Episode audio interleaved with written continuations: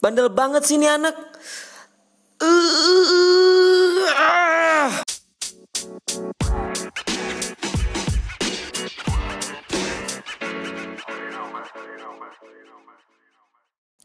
Halo apa kabar semua? Balik lagi di NCP Newbie Challenger Podcast bersama gua Lutfi Latumiwa Sang podcaster di balik mikrofon ini.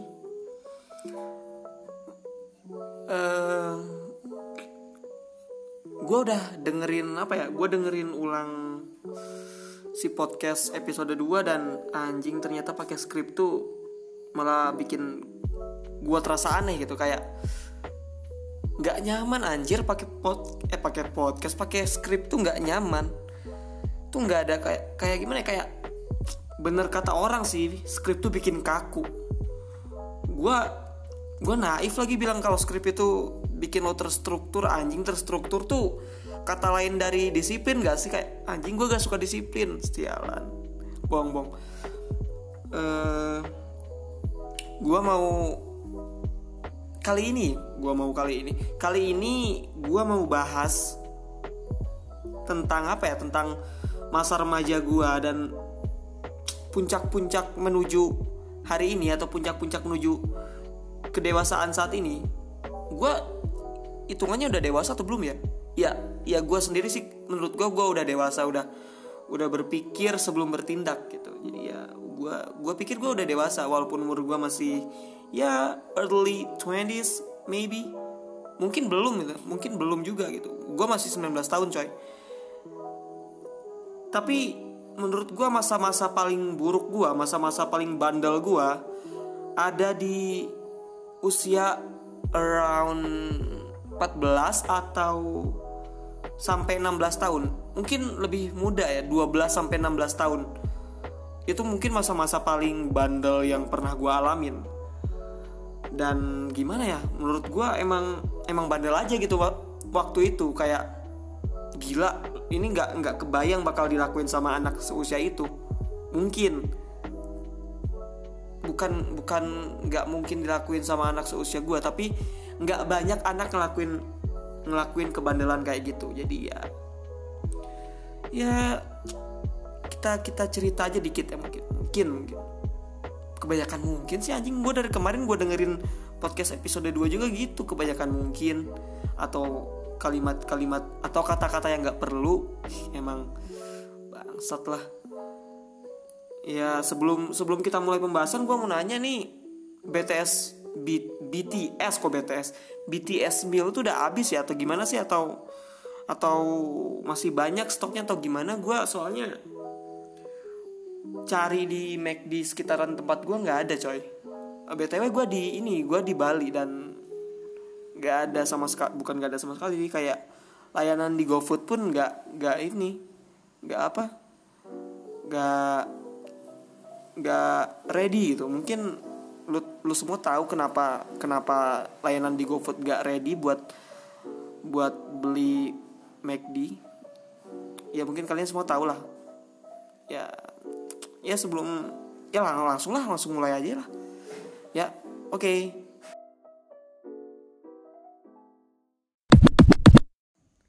cerita kita diawalin dengan mungkin kenakalan gue sewaktu SD gue SD tuh emang udah tahu dan udah kenal dengan yang namanya seks.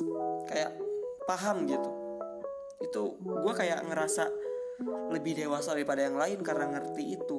Bukan ngerti sih tahu tahu itu.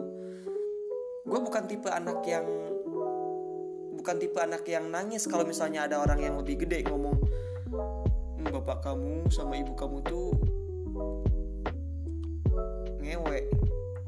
Kan kan ada tuh kayak kayak anak-anak yang yang suka suka nangis atau suka marah sendiri gitu kalau dibilang mak sama bapaknya ngelakuin hubungan seks gitu kan kayak ya apa enggak enggak enggak anjing enggak. Ada kan lu, lu pasti punya teman kayak gitu. Dan gue tuh bukan tipe anak atau bukan tipe bocah yang kayak gitu. Gue tuh kayak oh ya udah emang gue terlahir dari situ gitu kan. Terus gue tuh dikenalin kayak gituan sama teman-teman gue mungkin teman-teman gue juga agak bangsat sih.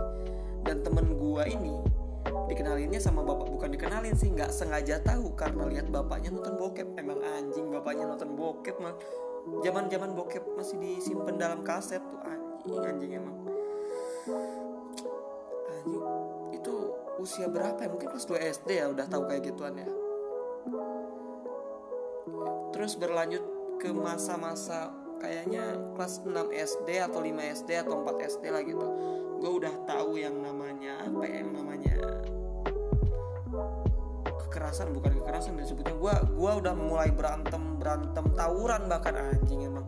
Bawa gear bawa bawa tongkat bambu kayu yang panjang tuh buat mukul pala orang tuh. Gue udah tahu yang kayak gituan terus gue ngerasa keren banget gitu kalau bawa ukulele sambil nyanyi sambil nyanyi nyanyi ala ala anak STM gitu. Gue ngerasa keren banget bangset terus uh, di kelas 6 di SD pun gue bisa dibilang lu tahu lu tahu film Crow Zero nggak? Crow Zero yang yang yang pemerannya tuh Takia Genji. Nah nah gue tuh selebihnya kayak Takia Genji gitu yang murid pindahan tiba-tiba menguasai sekolah.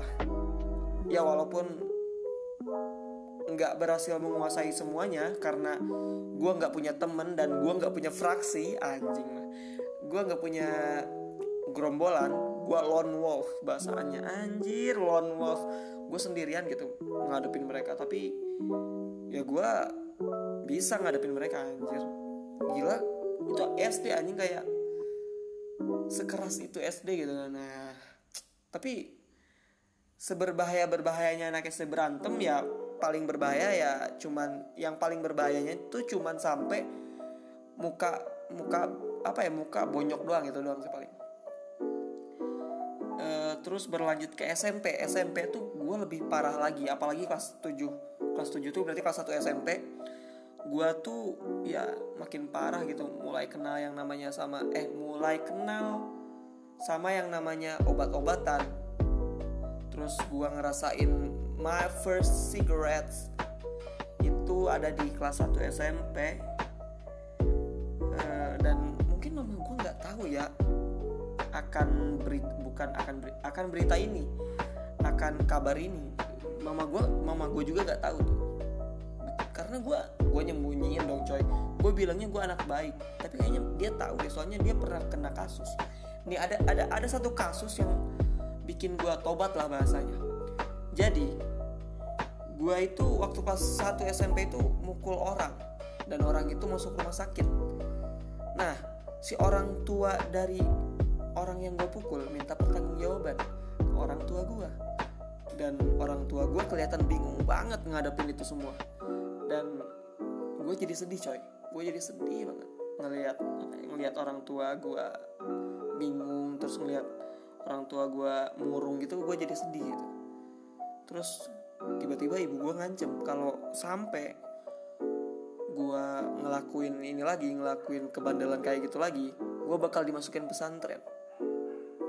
Dimasukin pesantren. Gue nggak mau masuk pesantren coy. Bukannya gue menolak ajaran agama gue sendiri ya tapi masuk pesantren tuh waktu itu kayak stereotip itu kayak lu pasti kena ini kena kutu air badan lu bentol-bentol atau mungkin makanan lu gak higienis uh, atau apalagi waktu itu lagi apa ya lagi rame-ramenya ini. Kayak si junior di pesantren itu banyak dipukulin sama senior seniornya dan ada beberapa kasus yang sampai meninggal. Terus gue pikir gue nggak mau masuk pesantren. Apalagi gue ini anak yang susah banget. Atau uh, makan makanan yang gue suka tuh sedikit gitu. Kayak gue pilih-pilih makanan gitu jadi alasan gue tobat gitu. Walaupun nggak tobat 100% gue malah milih ah mending gue jadi anak warnet deh. Gue kelas 1 SMP itu jadi anak warnet. Dan di sana pun gue gagal anjing. Maksudnya gagal tuh gue malah ngecewain orang tua gak gue lagi karena lingkungan warnet pun masih ada obat-obatan. Malah terus gue sampai apa ya sampai sampai klepto banget gitu. Sampai barang-barang barang-barang diambil suka ngambil barang-barang atau mungkin nyuri uang orang tua gue buat beli uh, cash point blank waktu itu cash point blank atau akun point blank yang uh, yang pangkatnya udah tinggi. Gue sering beli itu. Dan ya gitu deh. Gue selalu kena marah sampai gue pertama kali lihat ibu gue nangis karena kebandelan. Waktu gue nyuri uang 50 ribu buat beli cash point blank gue dimarahin abis-abisan. Sampai nangis terus dia ngancem mau masukin gue ke pesantren dan gue mulai mikir anjing gue salah langkah nih. Terus terus dia minta kayak minta ke gue gue harus jadi lebih baik dan gue gue iyain gue iyain oke okay, gue mau jadi lebih baik. Dan ya gue mulai mulai sholat waktu itu mulai belajar agama Islam mulai belajar baca Al-Quran gue nggak bisa baca Al-Quran sebelumnya waktu 2 SMP dan ya gue tuh tipe orang yang gimana ya kalau belajar tuh bener-bener belajar gitu harus gue harus tahu semuanya.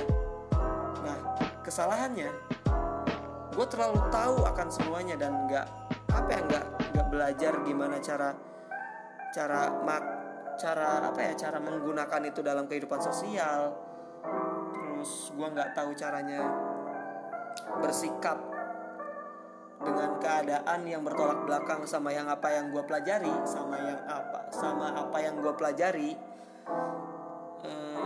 waktu kelas 3 SMP dan kelas 1 SMA mungkin kayaknya. Gue jadi kayak dicap ekstremis gitu anjing emang. Gue dicap ekstremis dalam beragama.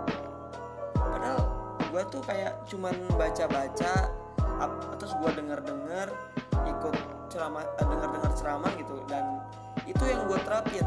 Maksudnya gue cuman menerapkan itu secara har secara harfiah doang. Kayak apa yang gue dengar langsung gue terapin. Tanpa pikir tanpa mikir gitu gimana atau apa yang sebaiknya gue lakuin dengan apa yang gue dapat gitu. Kayak kan nggak semua yang kita dapat itu sesuai dengan keadaan sosial kita. Misalnya keadaan sosial kita belum bisa menerima ini kita nggak bisa maksain gitu. Nah gue waktu itu ada di posisi kayak gue nggak mau salaman sama lu. Lu bukan muhrim gue kayak terus yang lain-lain. Itu sih benar itu benar banget. Tapi kan gue gak mau banyak kebahas tentang agama nanti gue salah oh, salah ngomong kali ya. Uh, atau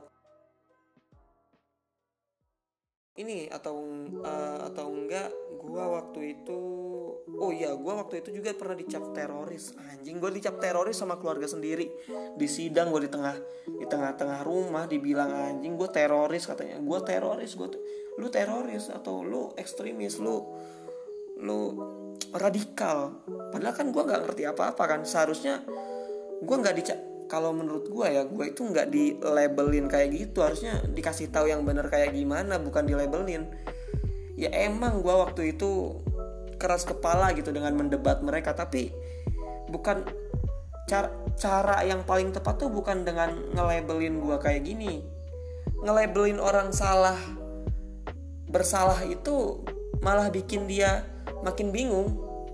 Kayak misalnya lu tuh salah iya kita semua tahu dia salah tapi kalau kita bilang dia salah tanpa ngelakuin atau tanpa bertindak dan memberi dia apa ya jalan untuk lebih baik itu perbuatan salah juga anjing. Gila.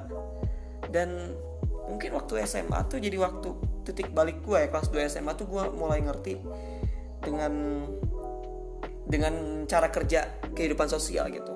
Gue mulai paham bagaimana caranya bersosial dengan baik gue mulai paham mana batasan gue dan batasan orang lain dan mana yang boleh gue lewatin atau mana yang nggak boleh gue lewatin kayak gitu gue mulai paham ranah-ranah kayak gitu. Dan ya syukurnya gitu syukurnya kelas 2 SMA tuh jadi titik balik ya kayak gue e, bilang tadi gue jadi titik balik gue di mana gue jadi lebih baik di mata orang-orang di sekitar gue gue jadi apa ya efek efek ke mereka jadi lebih baik gitu. Karena gue percaya gitu kan hubungan sebelum kita membangun hubungan baik dengan Tuhan ya kita harus bikin hubungan baik dengan sesama gitu. Atau mungkin kita bikin kehubungan baik dengan Tuhan sekaligus hubungan baik dengan sesama. Apa ya hubungan vertikal dan horizontalnya tuh tetap searah atau selaras gitu balance itu kunci dari semuanya. Dan nobody's perfect gitu. Gue pikir gue pengen jadi orang yang perfect dalam kebaikan. Dan itu salah gak ada yang perfect. Dan gue mulai percaya gitu kan perfect perfect dari perfect sesungguhnya itu bukan yang bagus terus tapi yang balance menurut gue perfect the real perfect itu yang balance bukan yang bukan semua positif atau neg ya kalau kita semua positif dan nggak tahu apa pun tentang negatif ya kita terjebak dalam apa ya dalam dalam dalam ilusi aja itu. Soalnya emang tai gak ada yang baik di dunia ini coy. Gak ada yang 100% 100% pure baik gak ada. Jadi ya gitulah kelas 2 tuh bikin apa ya uh, ngajarin gua akan akan banyak hal gitu. Uh, dan beberapa dan teman-teman SMA gue juga ngajarin gua banyak hal gitu. Gue jadi lebih apa ya jadi lebih luas lebih lebih supel dan lebih enak diajak ngobrol. Anjing du gue dulu nggak jarang banget diajak ngobrol. Sekalinya diajak ngobrol malah diajak debat dan kan gue nggak mau sebenarnya diajak debat kan. Tapi gimana mau diajak ngobrol gitu? Waktu itu kalau gue diajak ngobrol banyak hal yang nggak mau gue omongin karena takut ini takut itu. Ah parah. Sebenarnya sebenarnya gue gua rasa nih perilaku gue itu baik-baik aja sih kayak ya dekat dengan Tuhan tuh baik gitu. Tapi terlalu jauh dengan kehidupan sosial tuh malah bikin lo apa ya malah bikin lo nggak nggak nggak ada arah gitu? Kayak kayak orientasi lu tuh eh, ya orientasi lu tuh kayak akhirat akhirat lah tempat yang abadi. Dunia ini hanya sementara tidak ada apa-apanya. Dunia ini tidak ada harganya. Itu menurut gue salah banget ya. Prinsip yang paling benar tuh kayak gue pernah dengar dari apa? Mungkin gue nggak tahu sumbernya dari mana tapi ini adalah perkataan yang tepat menurut menurut hati gue dan pikiran gue gitu kan. Kejar kejarlah akhirat kejarlah akhirat seakan-akan engkau akan mati besok. Lalu kejarlah dunia seakan-akan engkau akan hidup selamanya. Itu kayak ngajarin gua ngajarin ke gua nggak ada nggak ada yang apa ya nggak nggak semu nggak ada satu hal pun yang harus ditonjolin. Jangan nonjolin satu hal maksudnya jangan nonjolin satu hal. Balance saja balance. Atau mungkin nonjol nonjolin satu hal. Tonjolin kebaikannya aja tapi jangan berlebihan. Gimana ya kebaikan berlebihan tuh nggak baik gak sih? Atau kebaikan yang berlebihan tuh jatuhnya jadi nggak baik gitu mungkin menurut gue ya. Gue gua nggak paham juga tapi yang gue yakini sih kayak gitu. Klub kebaikan yang terlalu berlebih tuh malah bikin lo kelihatan nggak baik. Pokoknya balance itu adalah hal yang paling baik deh yang bisa manusia lakukan. Toh Tuhan kita pun nggak nggak apa ya nggak nggak memerintahkan kita untuk perfect gitu. Nggak memerintahkan kita untuk selalu berbuat baik tapi Tuhan kita itu bukan Tuhan kita itu nggak memerintahkan kita untuk selalu baik tapi Tuhan kita itu memerintahkan kita untuk selalu bertobat. Ngerti gak sih? Kayak ya ngelakuin salah tuh bukan bukan dibolehkan tapi bertobat akan kesalahan itu diharuskan. Jadi maknanya setiap manusia itu pasti ngelakuin kesalahan. Setiap manusia itu nggak luput dari dosa tapi setiap manusia itu berhak dan wajib untuk bertobat. Anjing ini podcast apa? Ceramah sih gila. Gue ngerasa alim bener gitu kan. Nggak nggak sih gue nggak. Uh, terus ini deh uh, lanjut ke kelas 3 SMA kelas 3 SMA tuh jadi masa-masa akhir dua tahun yang lalu mungkin ya mas. E, itu jadi masa-masa paling gue kenang banget kayak gila ternyata bener ya SMA tuh masa yang paling indah. Tapi itu setahun yang setahun yang lalu mungkin waktu gue awal-awal lulus ya gue ngira masa SMA tuh masa paling indah. Ternyata ternyata setelah lulus setelah lulus gue mikir kayak kayaknya emang nggak terlalu terlalu indah masa-masanya tuh nggak terlalu indah banget tapi orang-orang di dalamnya yang bikin gue selalu betah gitu. Gue gue sadar itu kayak kalau momen kalau momennya sama tapi orangnya beda mungkin gue nggak gue nggak bakal happy itu. Yang bikin gue happy itu ya orang-orangnya aja gitu. Walaupun hari ini gue ngerasa apa ya ngerasa terpuruk dan ngerasa berat gitu kalau kalau gue masih ada di lingkungan orang-orang yang gue seneng ya nggak terlalu berat juga sih. Jadi nggak terlalu berat gitu yang uh, beban gue jadi masa SMA tuh menurut gue bukan momen paling indah tapi masa SMA tuh adalah masa di mana kita bisa dapet orang yang tepat buat menikmati momen. Nah itu menurut gue kayak gitu. Uh, jadi mau buruk ataupun jelek momen yang kita alamin alamin alamin kalau bersama mereka itu jadi kayak bagus aja gitu di dikenang atau diingat. Jadi ya di SMA tuh masa SMA tuh masa bersosial lah intinya. Terus ya itulah. Banyak yang gue pelajari juga dari masa SMA masa SMP dan masa SD gue dan sekarang bakal jadi bekal gue di kehidupan fase selanjutnya. Dan ya gue berterima kasih sama teman-teman gue juga yang udah support yang udah bantu gue di masa-masa sulit waktu itu. Kalian semua berharga deh. Gila. Kalian the real pahlawan tanpa tanda jasa si anjing. Mungkin podcast kali ini segitu aja kali ya. Gue agak bisa terlalu lama. Ada banyak hal yang harus gue lakuin oh iya sebelum gue tutup mungkin ada announcement ada pemberitahuan. Uh, podcast ini mungkin bakal bakal libur dulu untuk beberapa waktu gitu. I would like to take a rest for for a while. Bahasa bahasanya hiatus kali kalau di anime itu hiatus. Gue gua gua bakal I have some job in the real life.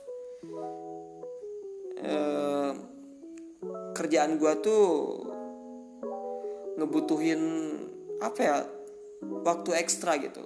I need work from 9 to 5.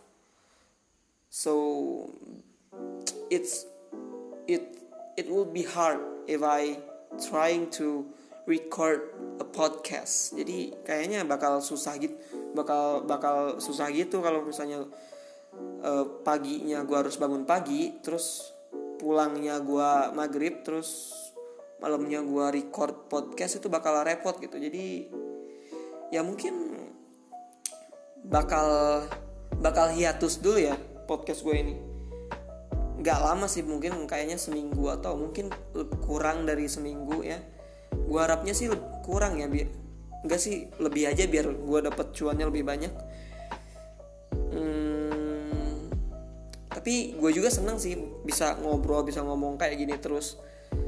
Ya walaupun gue juga lebih seneng dibayar gitu daripada ngomong tanpa bayaran. Anjing lah. Enggak ya uh, mungkin segitu aja ya mungkin segitu aja ya uh, podcast kali ini. Nanti kalau misalnya kerjaan gue itu udah selesai mungkin bakal jadi episode baru gitu. Apa yang gue lakuin selama masa-masa sekarang gitu kan eh, atau mungkin beberapa masa sebelum pandemi itu cerita-cerita cerita-cerita gue dan pengalaman pengalaman pengalaman gue di masa pandemi mungkin bakal jadi episode baru ke depannya. Jadi nantiin aja ya. Ya udah deh makasih segitu aja. See you on the next episode. And bye bye